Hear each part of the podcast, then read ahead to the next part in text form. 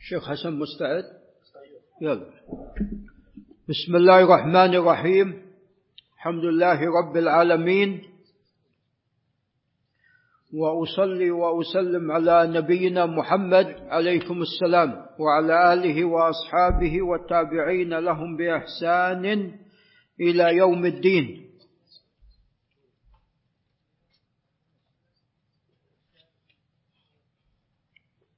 باب ما جاء في صفة سيف النبي صلى الله عليه وسلم. قال أبو عيسى الترمذي في كتابه الجامع. قال حدثنا محمد بن شجاع البغدادي وهو محمد بن شجاع المروذي نزيل بغداد وهو ثقة توفي عام 44 ومائتين. قال حدثنا أبو عبيد الحداد وهو عبد الواحد بن واصل السدوسي البصري وهو ثقة. وقد توفي سنة تسعين ومائة. قال عن عثمان بن سعد وهو الكاتب لا يحتج به. كما سوف يأتي.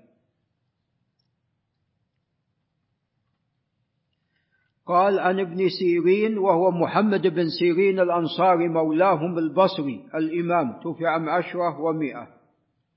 قال صنعت سيفي على سيف سمرة وزعم سمرة أنه صنع سيفه على سيف رسول الله صلى الله عليه وسلم وكان حنفيا.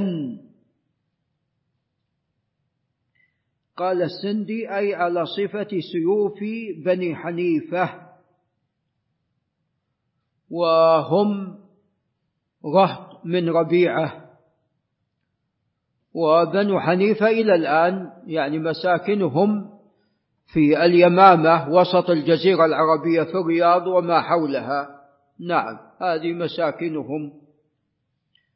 ويعني قيل ستدعون إلى قوم أولي بأس شديد قيل هم بنو حنيفة وكانوا أشد في القتال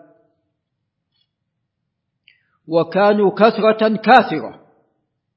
حتى يقال أنهم أخرجوا لخالد بن الوليد أربعين ألف مقاتل. وهذا جيش. نعم. ولكن بحمد الله قد كسرهم الله بخالد بن الوليد. طبعا عندما ارتدوا واتبعوا مسيلمة بن حبيب الحنفي الذي عرف بمسيلمة الكذاب فيما بعد نعوذ بالله ادعى النبوة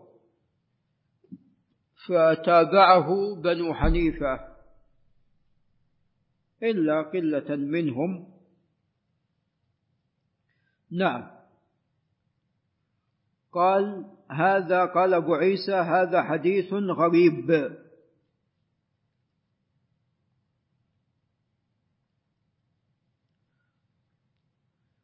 لا نعرفه إلا من هذا الوجه. وقد تكلم يحيى بن سعيد القطان في عثمان بن سعد الكاتب وضعفه من قبل حفظه.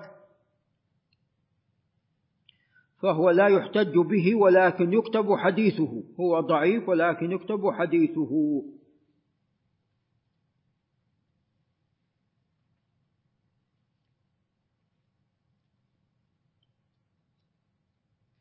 نعم.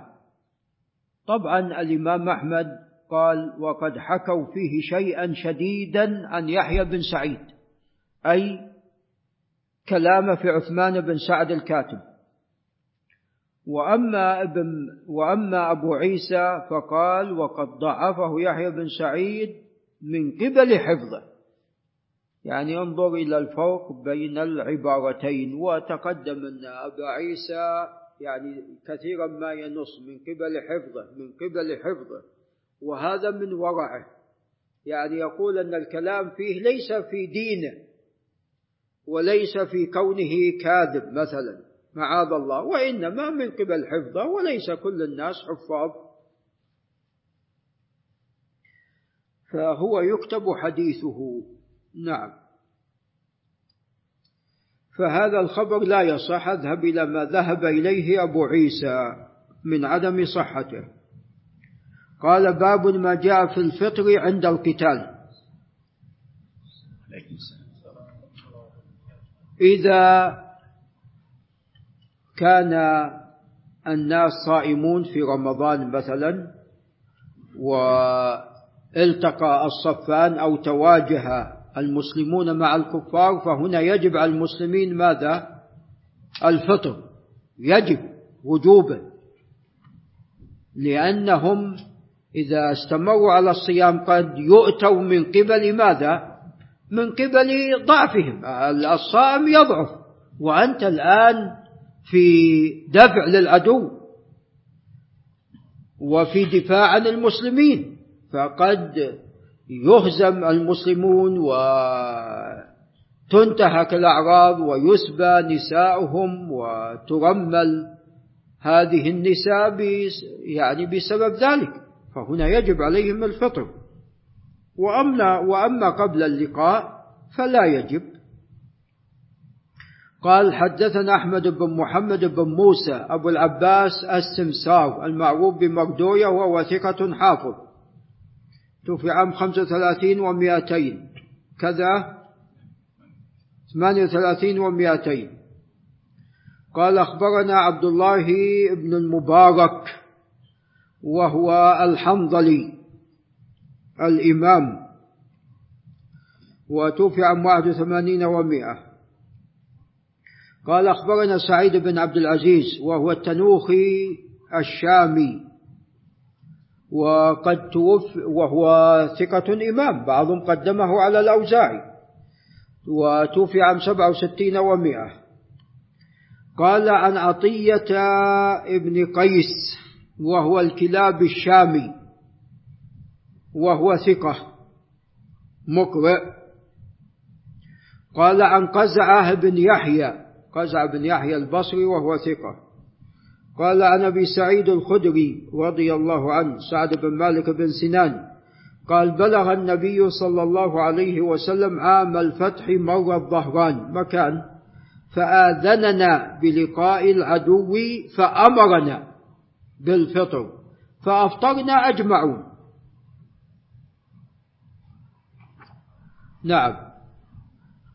قال أبو عيسى هذا حديث حسن صحيح.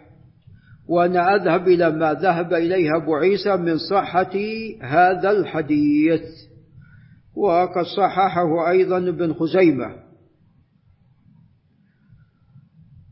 وقد أخرجه قبل ذلك الإمام مسلم. فسياق مسلم أخرجه من طريق مسلم أخرجه من طريق معاوية بن صالح ربيعة بن يزيد عن قزعة بن يحيى عن أبي سعيد. قال أتيت أبا سعيد الخدري وهو مكثور عليه أي الناس قد تجمعوا لعل الابن فيصل ينتبه. قال فلما تفرق الناس عنه سألته عن الصوم في السفر. فقال سافرنا مع رسول الله صلى الله عليه وسلم إلى مكة ونحن صيام. هذا برمضان قال فنزلنا منزلا فقال رسول الله صلى الله عليه وسلم إنكم قد دنوتم من عدوكم والفطر أقوى لكم. فيستحب هنا الفطر. الآن دنوا ما وصلوا. فكانت رخصة فمنا من صام ومنا من أفطر ثم نزلنا منزلا آخر. فقال إنكم مصبحوا عدوكم والفطر أقوى لكم فأفطروا. وكانت عزمة فأفطرنا. قال مصبحوا فهنا يجب الإفطار. نعم. قال والظهران وادي قرب مكة واد قرب مكة وعنده قرية يقال لها مر أي مر الظهران نعم. فإذا هذا الخبر خبر صحيح.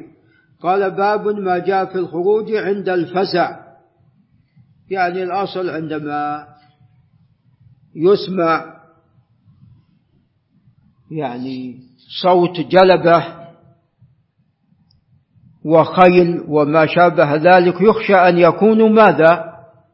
أن يكون عدو. هاجم ماذا؟ هاجم المسلمين. فهنا يستحب المبادرة إلى الفزع لأن إن كان عدو حتى يلقاهم ويدفعهم عن المسلمين. فهذا أمر مطلوب. قال حدثنا محمود بن غيلان هو العدوي وهو ثقة جليل توفي عام 39 و200 وقيل غير ذلك. قال حدثنا أبو داود الطيالسي وهو سليمان بن داود بن الجارود. أبو داود الطيالسي توفي عام أربعة ومائتين وهو ثقة حافظ ولكن لحفظه كان يحدث لقوة حفظه كان يحدث من حفظه فقد يقع في الخطأ. ولذا تجنبه البخاري بخلاف مسلم خرج له طبعا البخاري علق له. قال أنبأنا شعبة هو ابن الحجاج. وما أدري إيش عند الشيخ حسن. هل عند أنبأنا؟ نعم. أحد عنده خلاف ذلك؟ نعم.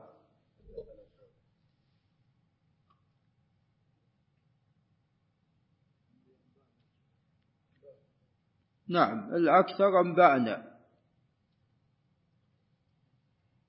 أي نسخة معك؟ ما ما فيها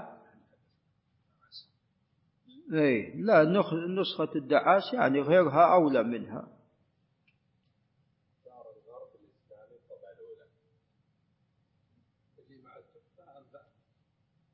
اي جميل.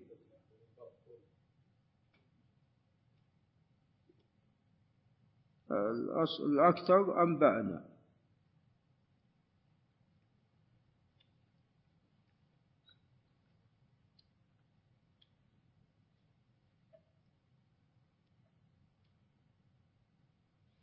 قال أنبأنا شعبة بن الحجاج العتكي مولاهم أبو بسطام الحافظ الإمام توفي عام ستين ومئة.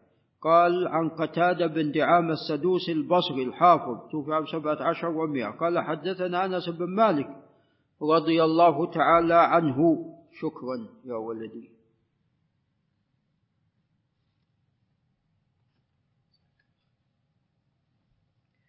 قال ركب النبي صلى الله عليه وسلم فرسا لأبي طلحة أبو طلحة الأنصاري زوج أم سليم. وهذا يفيد أن بيت أبي طلحة كان قريبا من ماذا؟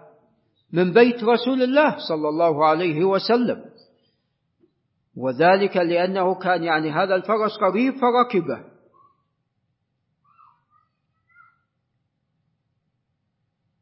وهذا يفيد أنه لا بأس بأخذ فرس غيره من أجل دفع الكفار والمشركين. وما شابه ذلك. يقال له مندوب. فقال ما كان من فزع يعني ما هناك شيء ظنوا أن هناك عدو لكن ما هناك شيء. وإن وجدناه لبحرا أي سريعا. وقيل أنه قبل ركوب رسول الله صلى الله عليه وسلم عليه لم يكن سريعا. وعندما ركب عليه أصبح ماذا؟ سريعا. ذكر هذا القاضي عياض. وقال وفي الباب عن عمرو بن العاص. قال حديث هذا حديث حسن صحيح ونذهب إلى ما ذهب إليه أبو عيسى وقد خرجه الشيخان. وتخريج الشيخان لهم من طرق عن شعب به. وخرجاه أيضا من حديث حماد بن زيد به. قال حدثنا محمد بن بشار وهو العبدي الحافظ توفي عام 250 و200 قال حدثنا محمد بن جعفر المعروف بغندر الهذلي مولاهم البصري وهو أثبت الناس في شعبة. وابن أبي عدي وهو محمد بن إبراهيم ابن أبي عدي وتوفي عام 94 ومئة وهو ثقة مشهور. وأبو داود هو الطيالسي تقدم في الإسناد السابق. قالوا حدثنا شعبة أي ابن الحجاج عن قتادة عن أنس رضي الله عنه قال كان فزع بالمدينة. فاستعار رسول الله صلى الله عليه وسلم فرسا لنا يقال له مندوب. نعم فرسا لهم لأن أبا طلحة زوج لأم أنس أم سليم. فقال ما رأينا من فزع؟ يعني ما هناك عدو. وإن وجدناه لبحرا. قال هذا حديث حسن صحيح. واستعار يعني هنا ما طلب منهم. رأسا ركب عليه الصلاة والسلام وهذا من شجاعته عليه الصلاة والسلام. وقد قال علي رضي الله عنه قال إذا اشتدت الحرب احتمينا برسول الله صلى الله عليه وسلم. عليه الصلاة والسلام. قال أبو عيسى هذا حديث حسن صحيح وهو أصح من الأول. الإسناد أصح من الأول؟ لأن محمد بن جعفر أثبت في شعبة من أبي داود الطيالسي وإن كان أبو داود مقدم أيضا. في شعبة. قال حدثنا قتيبة بن سعيد بن جميل بن طريف الثقفي وهو ثقة ثبت توفي عام أربعين ومائتين. قال حدثنا حماد بن زيد وهو الأزدي الجهضمي وهو إمام توفي عام تسعة وسبعين ومائة قال عن ثابت بن أنس عفوا قال عن ثابت بن أسلم البناني البصري وهو ثقة ثبت مكثر عن أنس. قال عن أنس بن مالك رضي الله تعالى عنه قال كان النبي صلى الله عليه وسلم أحسن الناس وأجود الناس وأشجع الناس عليه الصلاة والسلام. ولقد فزع أهل المدينة ليلة سمعوا صوتا فتلقاهم النبي صلى الله عليه وسلم. عندما خرجوا وجدوا أن الرسول عليه الصلاة والسلام قد رجع. فتلقاهم النبي صلى الله عليه وسلم على فرس لأبي طلحة عري ما ليس عليه سرج. وهذا لا يعني يحتاج إلى يعني الذي عليه سرج أسهل في الركوب. قال وهو متقلد سيفه عليه الصلاة والسلام فقال لم تراعوا لم تراعوا. ثم قال النبي صلى الله عليه وسلم وجدته بحرا يعني الفرس في السرعة. نعم. قال أبو عيسى هذا حديث صحيح ونذهب إلى ما ذهب إليه. وصحيح طبعا هكذا في طبعة التأصيل أيضا بالإضافة إلى الرسالة رساله والتأصيل والتحفة تحفة الأشراف وطبعة دار السلام.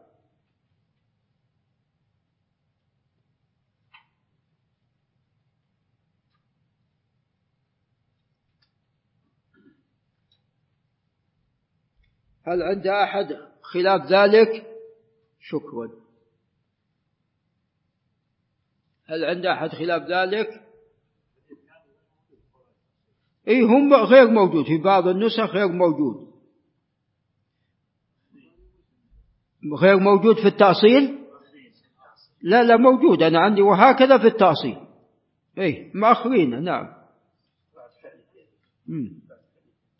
يقول إلى هنا تأخر في أصولنا الخطية والنسخة التي اعتمدها المبارك فوري في شرحه لنهاية الباب التالي. بإثر الحديث رقم 84 يعني بعد حديثين. قال وأبقيناه هكذا وأبقيناه هكذا كما أو هذا أو هكذا كما في المطبوع لأنه الأنسب.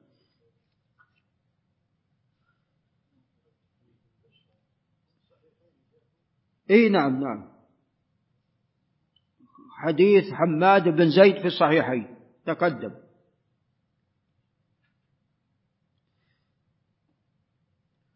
طبعا نأتي إلى قول صحيح. لماذا الأول قال أن حسنا صحيح والثاني حسن صحيح والثالث صحيح؟ قلت إما من باب التفنن أو على بابه. يعني يكون إن هذا أصح.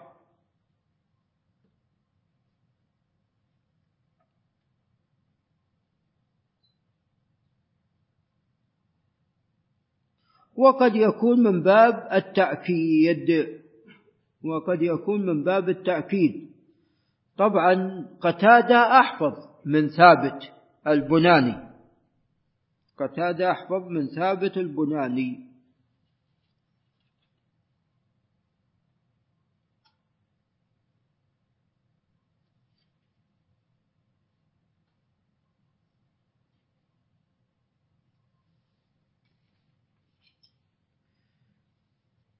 قال باب ما جاء في الثبات عند القتال. ولا شك أن يعني الثبات عند القتال هذا يعني دليل على الإيمان واليقين والشجاعة. نعم. ولا شك أن الثبات مطلوب. نعم. الثبات على الدين والثبات على العمل الصالح والثبات عند القتال كل هذا مطلوب. وقد قال ربنا عز وجل يثبت الله الذين آمنوا بالقول الثابت في الحياة الدنيا وفي الآخرة. نعم يثبتهم على دينه عند في الدنيا وعند نزول الموت. نعم فالثبات مطلوب والإنسان يسأل ربه عز وجل الثبات والتثبيت. قال حدثنا محمد بن بشار العبد البصري الحافظ توفي عام 250 و200 قال حدثنا يحيى بن سعيد القطان البصري الإمام توفي عام 98 و100 قال حدثنا سفيان هو بن سعيد بن مسروق الثوري الكوفي أبو عبد الله الإمام أيضا توفي عام 61 و100 قال حدثنا أبو إسحاق هو السبيعي عمرو بن عبد الله الهمداني وهو ثقة حافظ أيضا توفي عام سبع وعشرين أو ثمانية وعشرين أو تسعة وعشرين ومئة قال عن البراء بن عازب الأنصاري رضي الله تعالى عنهما أبو عمارة قال قال له رجل أفررتم عن رسول الله صلى الله عليه وسلم يا أبا عمارة؟ قال لا. والله ما ولى رسول الله صلى الله عليه وسلم ولكن ولى سرعان الناس تلقتهم هوازن بالنبل. وكانت هوازن طبعا قوم رماة وهذا في معركة الطائف في حنين. تلقتهم هوازن بالنبل ورسول الله صلى الله عليه وسلم على بغلته. وأبو سفيان بن الحارث بن عبد المطلب آخذ بلجامها. ورسول الله صلى الله عليه وسلم يقول أنا النبي لا كذب أنا ابن عبد المطلب عليه الصلاة والسلام. وهو يتقدم في نحو العدو. نعم ثم أمر العباس أن ينادي فرجعوا بحمد الله ونصرهم الله عز وجل. قال وفي الباب عن علي وابن عمر قال وهذا حديث حسن صحيح وأنا أذهب إلى هذا وقد خرجه الشيخان. وقوله عليه الصلاة والسلام أنا بن عبد المطلب لأن عبد المطلب أشهر من من ابنه عبد الله. والإنسان مشروع له أن ينتسب لأبيه أو لجده والجد أب ملة أبيكم إبراهيم وإبراهيم أبو إسماعيل. فالجد أب نعم. وقوله أنا بن عبد المطلب هذه مسميات في الجاهلية. فالذي وقع في الجاهلية ولم يدركه الإسلام يبقى على ماذا؟ على ما هو عليه. وما أدركه الإسلام يجب ماذا؟ أن يغير. ما أدركه الإسلام يجب أن يغير. ولذا غير يعني عبد الرحمن بن عوف وغير أبو هريرة. نعم. يعني عبد شمس وعبد الكعبة غيرت هذه المسميات. وأما شيء وقع في الجاهلية فيبقى على ما هو عليه. نعم. ولذا عبد الدار. نعم. وعبد مناف.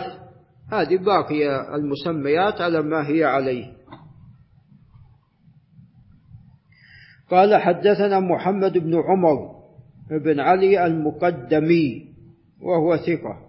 قال حدثني أبي وهو عمر بن علي المقدمي وهو ثقة.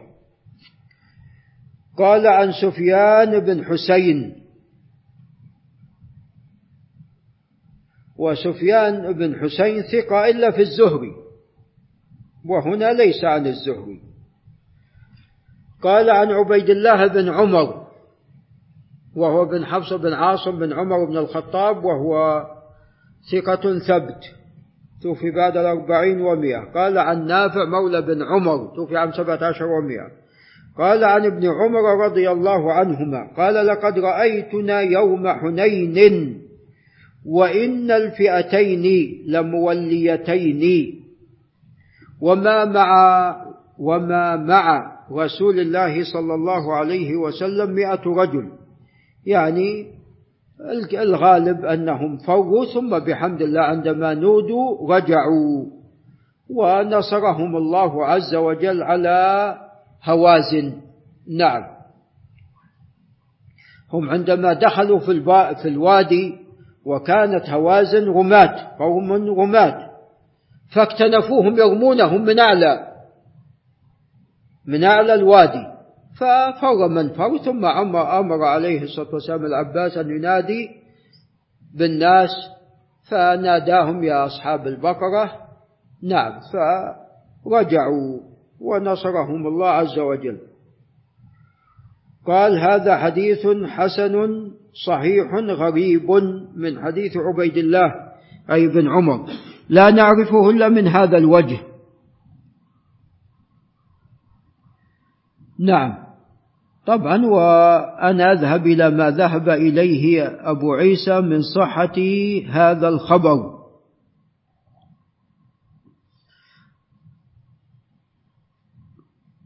نعم وقد ذكره أبو عيسى في العلل الكبير ونقل عن البخاري قوله لا أعرف أحدا روى هذا الحديث عن عبيد الله غير سفيان بن حسين. وظاهر هذا قلت وظاهر هذا أن عمر بن علي متابع. وإسناده قوي وأنا أذهب إلى ما ذهب إليه أبو عيسى. هذه نسخة الدعاس تقول؟ والله نسخة الدعاس يعني ليست مقدمة. شوف إن أبو صالح في التحفة. ها؟ إيه. حسن صحيح غريب. إيه. أي نسخة معك؟ ها؟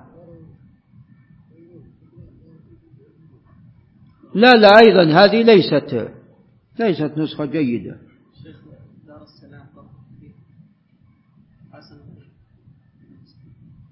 والله أيضا حتى دار السلام ليست يعني. وإنما الشأن في الرسالة والتأصيل. والنسخة التي حققها عصام هادي. نعم. نسخ الثلاثة كلهم سواء في الكتب في الكتب الستة. هذه يعني ما قام عليه عصام هادي ترى جيد أو دار الرسالة جزاهم الله خيرا أو التأصيل جزاهم الله خيرا. نعم فهذا الخبر نعم إسناده قوي ونذهب إلى ما ذهب إليه أبو عيسى والعلم عند الله عز وجل ولعلي أقف عند هنا.